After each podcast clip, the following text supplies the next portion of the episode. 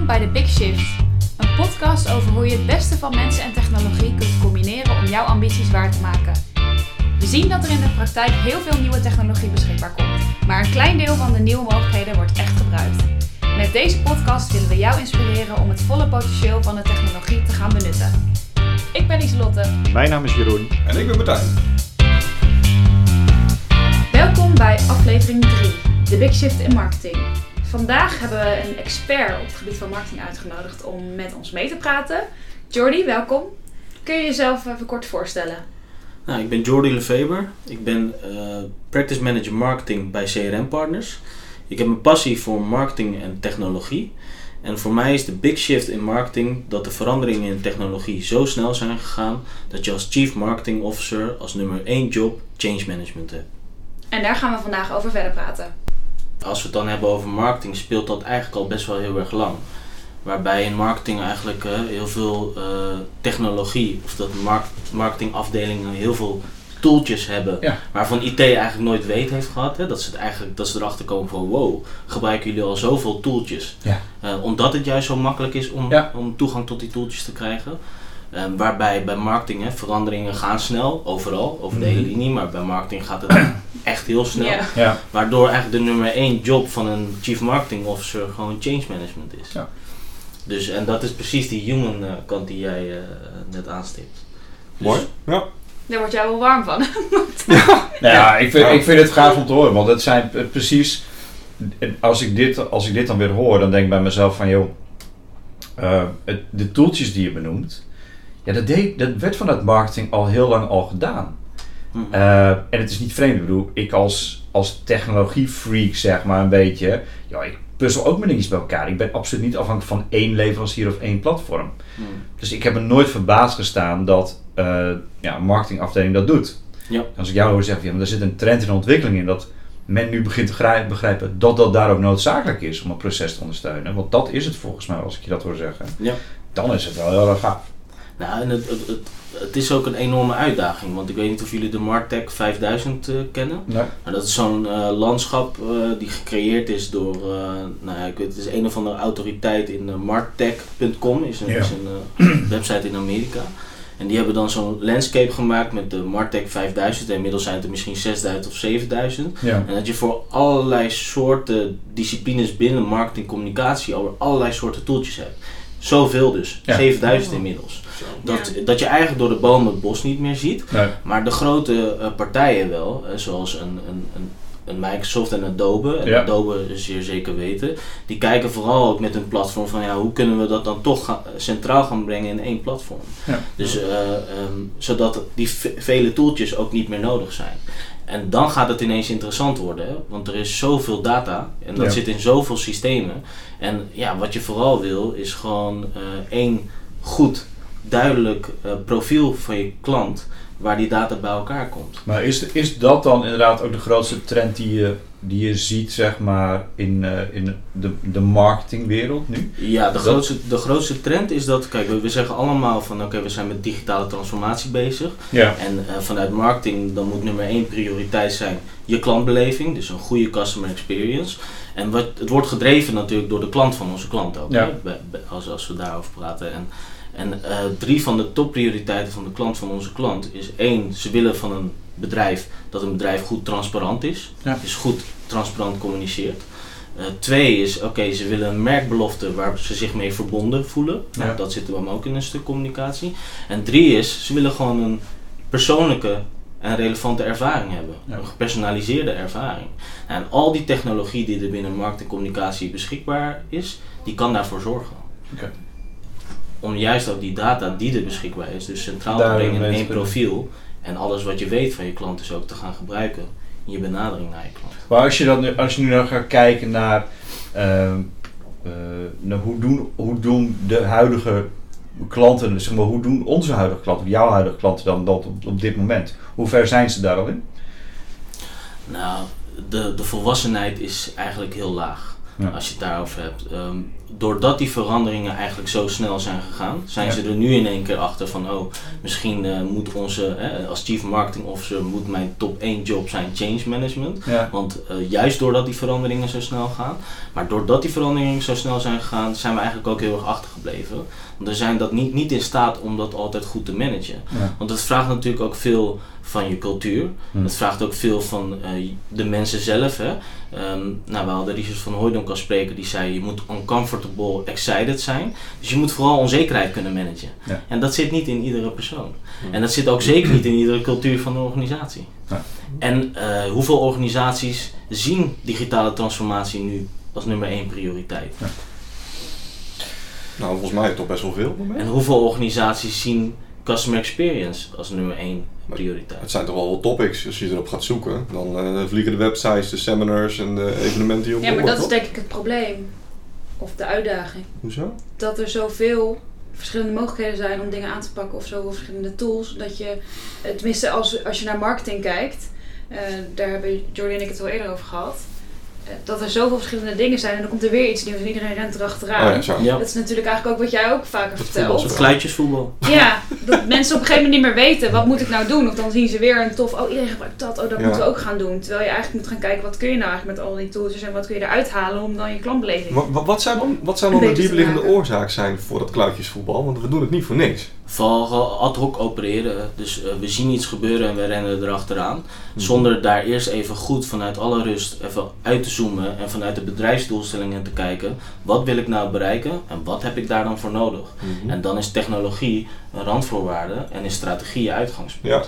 Ja. En, en dat zie je denk ik nog toch dat we te snel, we willen te snel de oplossing Ja. in de oplossing zoeken of Ja. in de technologie. Ja. En die gaat ook de oplossing geven. Maar als je niet goed nadenkt over wat je nodig hebt, ja. kom je niet tot de juiste Maar Dat zit toch wel in het DNA van de marketeer, denk ik.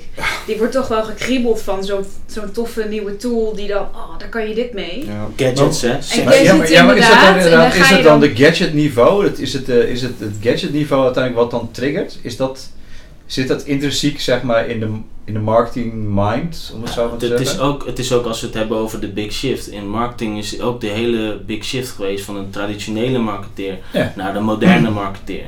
En de moderne marketeer, kijk, als, je- als, je, als, als je een marketeer ziet en die zegt ik heb niks met technologie, dan is hij niet meer relevant voor de markt. Want dat is dus enorm de shift geweest. Dat Ja. je heel erg generieke marketeers hebben die altijd op eh, het aantal kanalen die ze moesten eh, aansturen was redelijk beperkt. Hè. En dan af, vooral eh, traditioneel had je radio, televisie en print, Ja. hè, Mhm. offline media. Ja. Toen zijn de digitale kanalen erbij gekomen. En dat hebben ze allemaal geprobeerd vanuit één generieke marketeer te managen. Mhm. Maar dat zijn gewoon specialismen geworden. Ja. Ieder kanaal is eh, nu inmiddels een specialisme. Hoe komt dat, dat het een specialisme, allemaal specialismen zijn geworden? Ja, goede vraag. Ik denk dat dat voornamelijk te maken heeft met de mogelijkheden om die kanalen nu ook te personaliseren. Mhm. Dus zo persoonlijk mogelijk in te richten.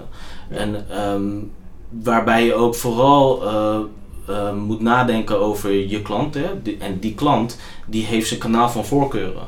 En die kan die op ieder moment kan die, die raadplegen. Dus wij Mhm. bepalen niet meer hoe we de klant benaderen. Hè? Het was Ja. altijd heel erg outbound. Ja. Hè? Vooral zenden, zenden, zenden. Maar nu Mhm. zie je meer dat het inbound wordt. Ja. Want eh, de klant die vindt ons wel. En je moet daar zijn waar de klant eh wilt dat je Ja. op dat moment bent. En waar die vooral zelf ook eh, is. Ja. En je noemt net drie dingen die echt belangrijk zijn voor marketing. Eén is. ehm, eh, ik- Change niet- management. Nee, je noemde het merkwaardig communiceren, dus mensen, dat mensen Oh, zich ja. verbonden voelen ermee. Ja. Eh, transparant zijn. En eh, wat was de derde nou? Persoonlijke weer? relevant. Persoonlijke relevant. Ja. Als je nou per onderdeel de koppeling met technologie zou moeten omschrijven, zou je dat eens kunnen proberen? Ja, dus laten we beginnen met eh, de eerste transparant zijn. Mhm. Ehm, ja, goeie. Dan, dan is de vraag van eh, hè, in hoeverre transparantie denk ik ook bijvoorbeeld in misschien wel, daar raakt het misschien dan ook wel een, een stukje service. Hè, ehm, eh, als jij goede service verleent aan je klant, eh, of minder goede service, in hoeverre, hoeverre durf je daar transparant over te Ja. zijn? Ja. Want ehm, eh, op het moment dat iemand, een, een klant van jou pijn heeft en jij weet dat om te zetten in een pleasure, dan is die pleasure vaak nog veel groter dan als die klant nooit pijn heeft Mooi, gehad. ja. Ja, En als je dat zeg maar ook kan gebruiken in als marketing en Ja. communicatie in je communicatie. Hè. Zappos in, in, in Amerika is daar een groot voorbeeld van. Die hebben service als marketingstrategie. Ja. Hè? En, en je ziet daar ook wel eh, voorbeelden van nu in Nederland. Hè? En Coolblue, alles voor een glimlach. Die hebben dat stukje service zo ingebed in hun cultuur en in hun strategie. Dat ze daar ook gewoon transparant over Ja, communiceren. mooi. Dus een Zappos laat gewoon in hun campagne zien hoe ze hun serviceafhandelingen doen. Sterker nog, iedereen die bij Zappos komt werken, begint op de serviceafdeling. Ja, mooi. Mooi eh, voorbeeld. Ja, snap ik gelijk. Ja. ja. Oké, hey, en... Dat is eh, transparant. Ja, merkwaardig? Of, Of, of nou ja, mensen- je merkbelofte Ja. verbonden voelen met de merkbelofte. Mhm. Ik denk dat wij eh, steeds meer zoeken als mensen, ook vooral naar. ehm, we willen ons kunnen identificeren met een, met een, eh, een merk. Ja. Eh, eh, en als we het dan weer hebben over transparantie. misschien, hè, stel je hebt het over prijstransparantie of, of, of het onderdeel prijs. Prijs is ineens niet meer interessant op het moment dat wij ons verbonden voelen met een bepaald merk. Hè, dan, Kijk Apple. Ja. ja, hè, dus, ehm, eh, maar dat betekent ook voor een, een organisatie dat je eh, in je strategie en in je missie en in je visie een bepaalde eh payoff of belofte moet hebben. Waar iemand van denkt, hé, hey, daar voel ik me nou echt goed bij. Herkenbaar. En, daar, en, en, en, en dat wil ik uitstralen. En dat wil ik bij wijze van Ja. op mijn borst plakken en een shirtje van dragen. Mhm. Of wat dan ook. Dus eh, nou, als je dat vertaalt naar hè, hoe, hoe, hoe zit dat dan eh, in, de technologie, dat maakt denk ik ook de koppeling naar persoonlijk en relevant. Iedereen wil dus ook die persoonlijke rele- eh, relevante ervaring hebben. Ja. En wil dus ook door een klant met die merkbelofte op die manier benaderd worden. Ja. En ook het gevoel hebben dat ze zelf in controle zijn. Ja. En dat is ook eh, ja, zelf mede kunnen bepalen hoe dat tot uiting komt. Oké. Oké, en dan hebben we nog de laatste, dat is echt relevant, hè? Persoonlijk en relevant, zei je toch? Ja. Hoe kun je dan met technologie juist dat onderdeel van marketing invullen? Nou, dat is heel mooi. Kijk, ehm, eh, ik praat zelf altijd heel veel over. eh, wij eh, willen helpen met dat persoonlijk en relevant contact maken met je klant. Door je te helpen om van massa naar één op één communicatie te groeien. En dat is juist waar technologie nu, nu in ondersteunt. Ehm, omdat je dus nu veel meer in staat bent om de data die je van je klant kan verzamelen en die de klant ook met je wilt delen, om dat dus ook te gebruiken eh, in je kanalen en in de benadering naar je klant toe. En dat is wat die, eh, die technologie zorgt er echt voor dat we naar één op één communicatie kunnen. Dus op dat moment met de juiste boodschap, op het juiste moment via het juiste kanaal, bij de juiste klant ook. eh, te Ja, dat hoor ik eigenlijk bij alle drie wel terug, hè? Data, Ja. data, data, inzicht. Oh, het is, Alles. maar het is wel heel raar, want even vanuit mijn, mijn consumentenpad opzetten. Mhm. Ja. Eh, ik, ik heb vanuit als consument zijn enerzijds, joh, ik ga niet specifiek meer op zoek. Nee, ik ga, ik ga op zoek. Ik, ik heb iets nodig, ik ga naar iets op zoek. En ik word getriggerd door beelden en informatie die ik erom vind. Ik heb daarbij een merkbeleving inderdaad. Hoe voel ik mij bij een club die wat verkoopt of die een dienstverlening aanbiedt? Daar, daar ben ik wel mee bezig. Op dat moment heb ik nog steeds zoiets van, ja, ik wil echt helemaal niks van, me- van qua data delen. Ik Mhm. ben inderdaad ook degene die zegt van, joh, ik disable alle cookies zeg maar die ik tegenkom. Ja. Ik heb een cookieblokker staan, weet ik. Ik wil echt niks delen. Totdat het moment dat ik ga kopen. Ja. Vanaf het moment dat ik ga kopen en ik klant word, dan word ik, ja, dan merk ik dat ik, in, dat ik sowieso en de volledige 100%, 150% service en dienstverlening naar me toe wil geschoven krijgen. Want ik kom toch bij jou kopen, wees heel blij met mij. en tweede, daarna is, op een gegeven, is dan het, als dat goed gaat, want dat is dan wel, dan word ik wel ambassadeur. Ja. Mhm. En die, is- ja, Maar wat, wat drijft jou dan uiteindelijk tot een aankoop? Wat zorgt er dan voor dat andere, en, nou, dat, eh, dat, dat, dat blijft voor een groot gedeelte toch nog wel steeds prijs. Daar kun ik gewoon niks aan doen. Rutte die dacht ik goedkoper. Mhm. Maar daarbij inderdaad dat ik weet wat eh, de belofte is in de service en dienstverlening die er uiteindelijk omheen zit. Mhm. En voor een heel groot gedeelte. Ehm, eh, we hebben net al wat verschillende voorbeelden hebben aangeraakt. Waar ik van denk, van, ja, ook als ik daar koop, of als ik daar naartoe ga, dan weet ik dat ik een goede dienstverlening uiteindelijk heb. Ik heb laatst weer een ervaring gehad met mijn eigen bank, waar ik bij mezelf denk van, joh, je zou eens moeten weten hoe vaak ik al tegen een probleem bij jullie ben aangelopen. Mhm. En ik heb ze dat nu ook echt verteld. Ik heb dat overgebracht als een klacht zijn. Ik zei, maar ik ga eens terugkijken. Ik vroeg uiteindelijk ook aan de man die ik aan de lijn. Kijk eens terug hoe lang ik al bij, bij jullie klant ben. Ik ben al meer dan eh, 28 jaar op een gegeven moment klant bij jullie. En je kan mijn hele historie kan je terugzien wat ik heb gedaan. Dan zie je dat ik in opbouw ben geweest in de afname van de dienstverlening en terug. En uiteindelijk zegt hij, ja, dat kan ik niet zien. En toen dacht ik bij mezelf, Nee. nou ga je mis. Ja. Mhm. Want als je het wel had kunnen zien, en ik heb gewoon diensten afgenomen, en voor mijn part had je het 28 jaar bewaard, dat interesseert me dan helemaal niks. Het wordt wel belangrijk dat je me herkent als Mm. uniek en dan beantwoordt aan mijn vraag. Ja. Maar ga me dan niet dingen proberen te verkopen. Betrek mij dan op de dingen die ik aan het doen ben. Maar zijn, is privacy daar niet tegenwoordig dan een drempel voor? Nou, dat is een wezen, heel Ja, dat lange is- introductie, maar dat is inderdaad wel mijn vraag. Van ja, Ja. Wat, wat doet dat dan privacy technisch? Want eh, marketing eh, raakt data, Mhm. maar je wordt meteen wel geconfronteerd met van ja, wat mag je weten, wat mag je vasthouden? Hoe gaan we, hoe gaan we daar nou Ja, mee om? dat, dat is ook belangrijk. Hè? Ik denk dat een, een marketingafdeling zit vaak eh, in een organisatie ook wel eh, redelijk in de staf. Ja. En, en, en moet ook eh, de samenwerking met legal opzoeken. Ja. Zeker ook eh, vanwege dit aspect, het juridische aspect. Hè, als we het hebben over AVG en GDPR, dan eh, eh, vertelt die eh, wetgeving ons vooral hoe je om moet gaan met de vastlegging van data. En een belangrijk onderdeel daarvan is eigenlijk consent. Maar vanuit marketing en zeker bij, in, binnen bepaalde kanalen, dus bijvoorbeeld e-mail, is consent eigenlijk altijd, altijd al onderdeel geweest van de wetgeving. Dus je moet toestemming vragen, je moet goed kunnen uitleggen, transparant aan je klant, wat je met die data doet en waar je het voor gaat gebruiken. En ehm, als dat is om eh, ervoor te zorgen dat we hè, jouw beleving als klant kunnen verbeteren en jou beter kunnen servicen en beter kunnen voorzien van hetgene wat jij graag wilt hebben, dan valt dat ook wel uit te leggen. Ja. En Ja. daar, moet, dat moet je ook, daar moet je ook creatief als organisatie over nadenken van hoe steek ik dat, eh, dat in en hoe ga ik daarmee om. Eén een ding wat me nu te binnen schiet, zijn we, wat we achteraf, dus ik, ik heb ergens een, iets afgenomen of ik heb een klad gedaan, dan zie je in één keer weer communicatie ontstaan. Mhm. Zijn we ondertussen eh, al zover, heb je daar al voorbeelden van gezien, dat we het, dat we het vooraf kunnen inschatten? Dat mensen dus een bij wijze van, zeg maar op basis van patroonherkenning, machine learning AI, eh, dat we eh, al weten dat ik bijna een aankoop ga doen en op basis daarvan op een gegeven moment informatie ga verspreiden? Nou, kijk, eh, je hebt natuurlijk, eh, als je even gewoon breed naar de journey kijkt, je hebt het, eh, ik, dan kan, je hebt het eerste contact, je hebt de aankoop en je hebt de herhalingsaankoop. Ik hoor jou nu heel veel praten over, oké, op het moment dat ik al klant ben en daarna.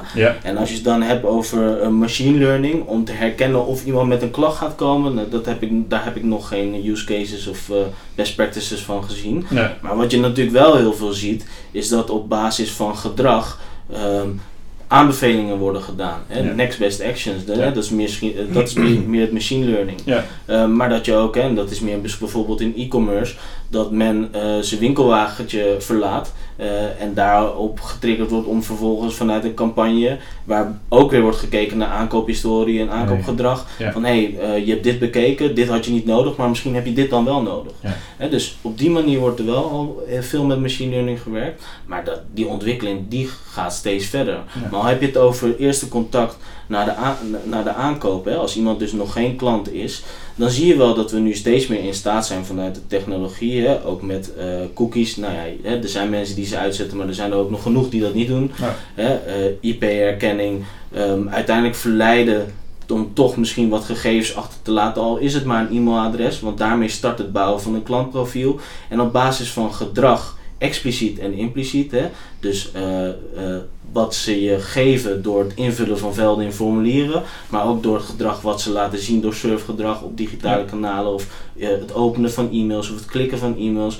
Daarop kunnen wij scoring toepassen. Hè? Dat doen we tegenwoordig veel met lead scoring. Ja. Om uiteindelijk te zeggen van oké, hè, is het een marketing qualified lead?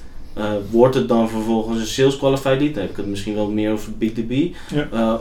Of eh, zien we nu zodanig gedrag waardoor we dus relevantere aanbiedingen kunnen doen in e-commerce om diegene toch te verleiden tot aankoop. Ja. Dus, en dat, dat doen we wel heel veel al binnen de markt. Ik, ik ga, ik ga even, even, even de lucht in hoor. Want ik, eh, Ja. ik, ik raak weer een onderwerpje, denk ik, dus ik ga even de lucht in. Eh, en, kijk even naar. Wat zou het zijn op het moment dat we in de technologie uit kunnen gaan komen, dat we kunnen gaan inschatten, waarin we weten, als jij onder deze, dit gesternte, en dan noem ik maar even je, koopgedrag, je aanwezigheid, uiteindelijk de inschatting gaan maken, Ehm, je zou misschien wel eens een negatieve ervaring kunnen hebben gehad. En we gaan die toetsen. Wat met, en we kijken even naar Martijn. Wat zou dat dan uiteindelijk op een gegeven moment doen? Want dat is even een, dat is een verandering van denken.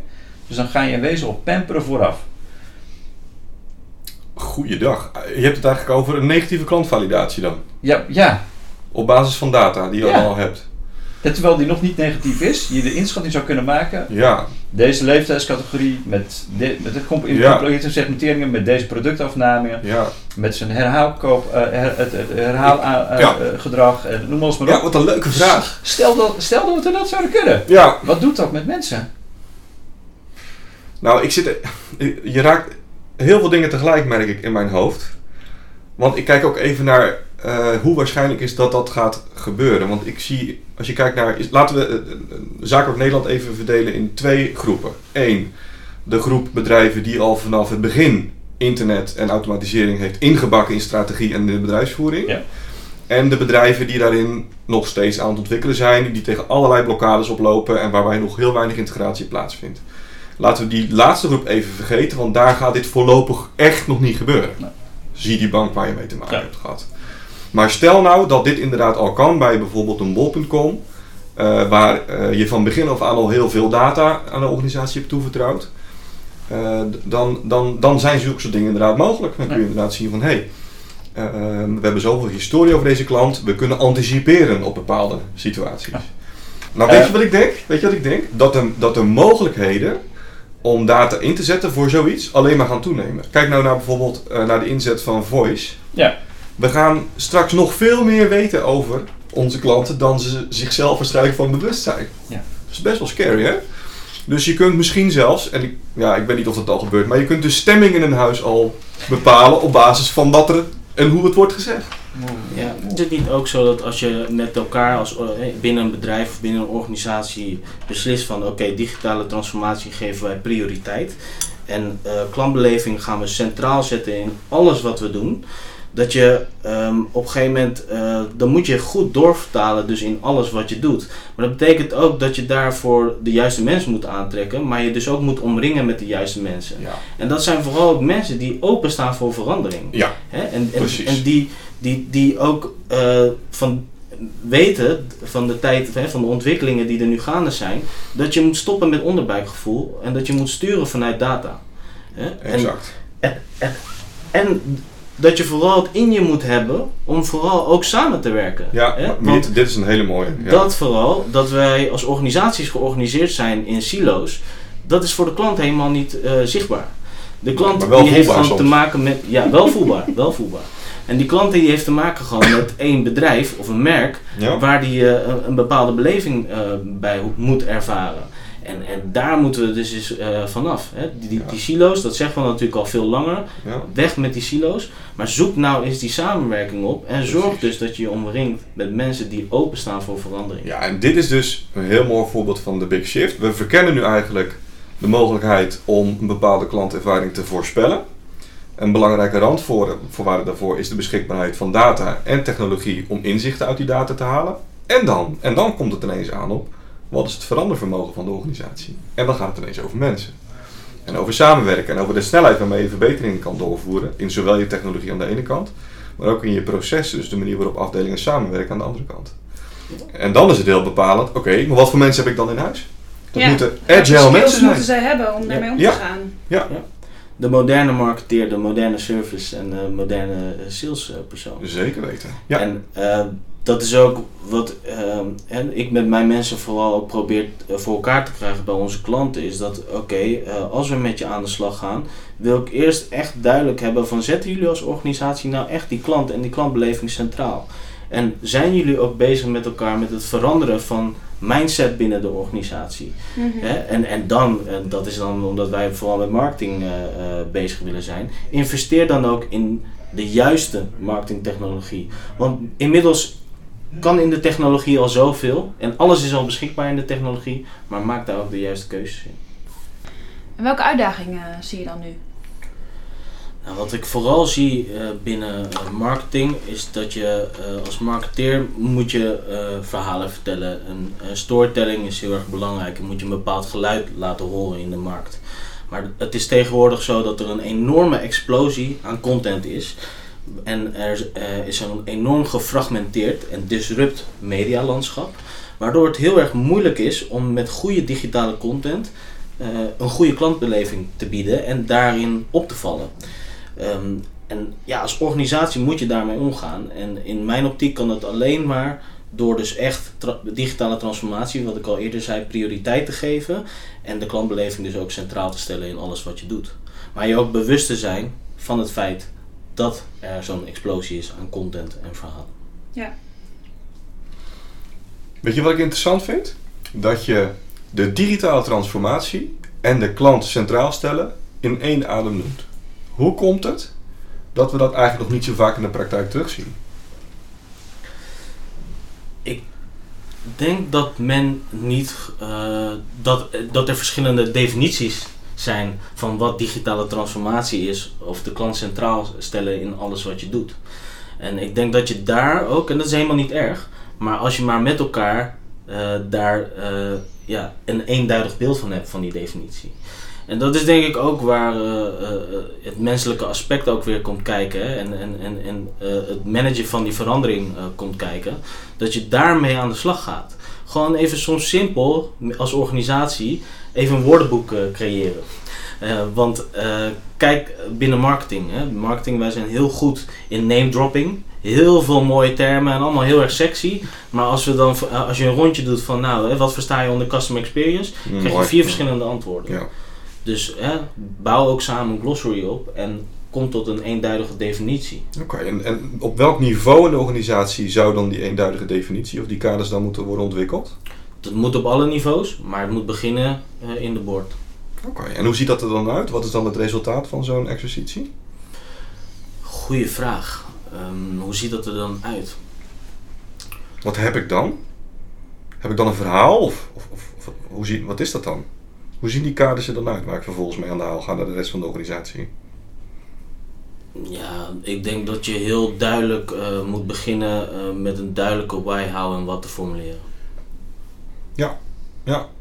En als je dat als uh, in de board goed scherp hebt en je weet dat door te vertalen dus in je missie, in je visie en in je cultuur, hè, cultuur niet vergeten, mhm. heel belangrijk, um, dat je dat dat dan de vertaling gemaakt moet worden door je management en uh, richting uh, uh, de mensen. Maar ergens moet het ook al in je mensen, in het DNA zitten. Maar op het moment dat je dat vanuit je visie, missie en strategie uitdraagt, dan trek je dat soort mensen aan. Ja, ja mooi. Hey, wat is nou precies de, de relatie tussen cultuur en het succes van je digitale transformatie? Want je noemt het nu net weer, maar waarom is dat eigenlijk belangrijk? Omdat digitale transformatie gaat over verandering. En uh, mensen aantrekken die openstaan voor verandering, dat doe je met een juiste cultuur. Ja, en wat is dat, wat is dat dan precies, cultuur? Hoe, hoe zie je dat voor je? Um, hoe zie ik dat voor me? Kijk, een strategie kun je ontwikkelen. Dan heb je een verhaal. Dan ga je met de mensen de hei op of in een hok zitten. Dan kom je met een aantal mooie statements naar buiten. Dan heb je een strategie ontwikkeld. Dan wordt het de uitdaging om dat ook in te bedden in de cultuur. Maar wat is dat dan?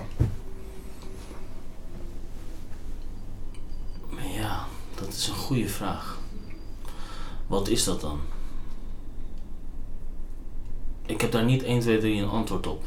Oké. Ik denk dat dat vooral um, dus heel erg zit in de kernwaarden die je, uh, die je hebt. Hè. Dat, dat is onderdeel natuurlijk van je cultuur. Mm -hmm. um, en belangrijke onderdelen daarvan uh, is dus misschien wel um, uh, openstaan voor verandering. Ja. Hè. Is, is, is, dat te vertalen naar een kernwaarde? Ja. maar ook uh, wat, wanneer sta je open voor verandering als je passie hebt ook voor die verandering. Dus ja. een, een, belangrijk onderdeel in je cultuur zou moeten zijn dat je gepassioneerde mensen aantrekt. Ja. Um, nou, we zeiden het net al, uncomfortable, excited. Mensen die ook durven om uh, buiten hun comfortzone te gaan. Ja. He, dus um, ik heb niet zozeer nu direct voor je de kernwaarden klaar die daarbij nee. horen. Nee. Maar ik denk dat je vanuit die hoek wel moet gaan redeneren ja. en gaan nadenken als organisatie. Ja. Maar kijk, weet je wat het is? Kernwaarden bedenken is ook niet zo ingewikkeld. Wat het lastig maakt is het implementeren van die kernwaarden in de cultuur. En misschien ligt hier wel de oorzaak dat we met uh, kluitjesvoetbal bezig zijn als het gaat om marketing. Want het is relatief eenvoudig om te zeggen: doe mij dat toeltje, doe mij dat toeltje, doe mij dat toeltje. Maar het is erg ingewikkeld om dat culturele aspect te borgen in je organisatie. Ja. En dus zijn we misschien ook wel minder geneigd om daarin te investeren. En dat, dat is slecht. Eh, Ja, maar wel begrijpelijk, want het resultaat van die investering is niet zo concreet Ja. in vergelijking met wat je krijgt als je een nieuw toeltje aanschaft. ja. Ja. Ja, nou ja, goed. En dat is, dat, en dat is dus ook het, het managen van onzekerheid. Wat ik net ook al zei. Eh, je moet als organisatie gewoon durven om te investeren in een langetermijnvisie. Ja. En eh, dat eh, sommige resultaten, als je op het moment dat je op de korte kwalitatieve KPI's gaat sturen, en, of sorry, kwantitatieve KPI's, en niet op de kwalitatieve KPI's die misschien voor de langere termijn pas merkbaar zijn, dan ben je wat mij betreft niet goed bezig als organisatie. We hebben genoeg voorbeelden. Neem een Amazon. Amazon eh, zegt, eh, eh, oké, day one. We moeten continu kijken naar day one. Want de wereld verandert zo snel. En durft ook gewoon in die onzekerheid te investeren. En in dat soort aspecten. Om wat misschien op de lange termijn resultaat geeft. Je weet dat ze gewoon lange termijn hebben ze gewoon verlies gedraaid. Maar kijk wat voor organisatie het nu is. Ja, ja het ligt een stevig fundament, hè. En dat gaat uiteindelijk altijd renderen. Toch zie je ook wel weer de andere ontwikkelingen, hè? bijvoorbeeld bij Tesla. Om maar een voorbeeld te noemen, dat blijft natuurlijk een gebed zonder eind. Eh, met allemaal onzekerheden die op een bepaalde manier gemanaged worden. Ehm, goed, misschien raken we dan weer een heel ander ding, want dan heb je ineens weer de belangrijke rol die het leiderschap in de organisatie inneemt. Ja. En die dus heel bepalend is voor zowel de inrichting van de organisatie, de technologie die gebruikt wordt en de cultuur die wordt neergezet. Ehm, wat is het lijntje met marketing als ik, als ik nou ineens het hopje maak naar leiderschap? Ik denk dat ehm, je hebt inspira- eh, inspirerend leiderschap nodig. Ja. En eh, inspirerend leiderschap zit hem ook in een stuk empathie en inlevingsvermogen. Ja, ja. lastig ook. Dat is wel eh, een van de hoogste eh, prioriteiten die eh, een marketeer in zijn werk alleen al heeft. Hè? Want als jij moet beginnen met inzicht verkrijgen in je klant en je klant moet kunnen begrijpen, Hmm. dan em- empathie en inlevingsvermogen is een van de belangrijkste kwaliteiten Ja. die je dan als marketeer moet hebben. Ja. Dus ehm, ik denk dat marketing daar een goede rol in kan spelen om daar het voorbeeld in, in, in te geven, Ja. ook richting de rest van het leadership team. Mag, mag ik eens een heel gek verband leggen? Kijk, we hebben het nu altijd over de relatie tussen organisaties, bedrijven aan de ene kant en klant aan de andere kant. En wat technologie en cultuur kan doen om de ervaringen op die relatie te verbeteren. Maar wat, je, wat ik je eigenlijk tussen de regels door hoor zeggen, is dat om daarin succesvolle veranderingen te realiseren, moet je eigenlijk dezelfde eh methoden en technieken toepassen naar je interne organisatie. Want dan pas ga je het extern ook waarmaken. Ja. ja, zeker weten. En dat is natuurlijk wel heel vaak wat we zeggen: eh, practice what you preach. Of ehm, eh, buiten winnen is binnen beginnen. Ehm, ja, ik geloof daar heilig in. Mooi moment voor een wrap-up, denk ik zo. Kunnen we in twee minuten, Max, eens eventjes eh, door de punten. Wat zijn de grootste technologische ontwikkelingen op het gebied van marketing? Wat doet dit voor organisaties en wat betekent dit eh, voor mensen? Wat vraagt het van mensen? Ik heb eerder eh, gezegd wat de grootste ontwikkeling is, dat dat heel erg zit op transparantie, een goede merkbelofte en ehm, eh, vooral eh, persoonlijke relevante ervaringen. Ehm, het belangrijkste daarbinnen is denk ik dat we als organisaties nu in staat zijn om real-time eh, eh, ja, klantprofielen te verzamelen en eh, complete gecentraliseerde klantprofielen door alle data die er aanwezig is ook te centraliseren in een klantprofiel. En ehm, wat dit doet voor een organisatie is eh, nou, dat je dat moet kunnen managen en dat je dat moet eh, kunnen creëren. Ehm, en dat je, het ook, eh, dat je er ook gebruik moet gaan eh, van ma- maken om uiteindelijk die, ehm, die ervaring, die klantbeleving ook eh, te bieden aan, aan de klant. En dat je dus, wat ik al eerder al nu al twee keer heb gezegd, ehm, digitale transformatie als prioriteit moet hebben in je organisatie. En de klantbeleving centraal moet stellen in alles wat je doet. En is Maar het dat- daarbij dan ook belangrijk om eh, niet achter al die tooltjes aan te rennen, maar lange termijnvisie eh, voor ogen te houden, eh, te kijken naar hoe kun je die technologie samenbrengen, bijvoorbeeld op één platform, om beter die data te verzamelen? Ja, in de technologie is inmiddels alles al mogelijk. Dus, uh, maar beschouw technologie als belangrijk, maar vooral ook als randvoorwaarde. Ja. Neem je strategie uh, als uitgangspunt en vertrek vooral vanuit je eigen volwassenheid. Want als je maar achter alles aan gaat rennen, uh, dan werk je niet van een east naar een sol situatie. En dat is super belangrijk. Sluit aan op je volwassenheid en kijk ook goed dus naar wat je nodig hebt. En tot slot, wat vraagt het van mensen? Dat vraagt van mensen dus dat je open staat voor verandering. Uh, dat je uncomfortable, excited buiten je comfortzone gaat. En dat je gepassioneerd uh, met je vak bent. Dankjewel, Jordi. Dankjewel. Jordi, super. Dankjewel.